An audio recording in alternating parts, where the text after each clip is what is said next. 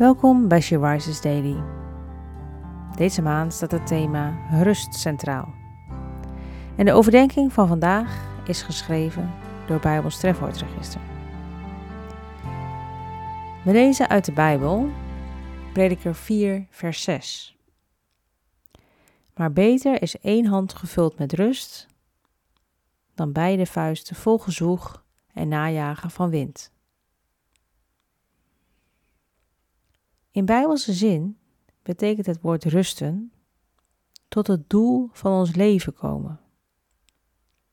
En bijbelse rust betekent dat je met al je bezig zijn niet in een zinloze kringloop van drukte terechtkomt, maar dat je inspanningen een doel hebben.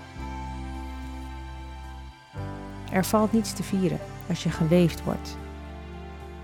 Neem op tijd afstand en rust. Daardoor krijg je dagelijkse beslommeringen zin en betekenis.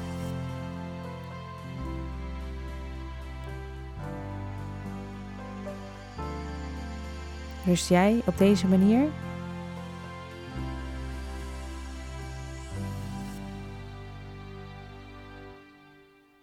Je luisterde naar een podcast van She Rises. She Rises is een platform dat vrouwen wil bemoedigen en inspireren in hun relatie met God. We zijn ervan overtuigd dat het Gods verlangen is dat alle vrouwen over de hele wereld Hem leren kennen. Kijk op www.she-rises.nl voor meer informatie.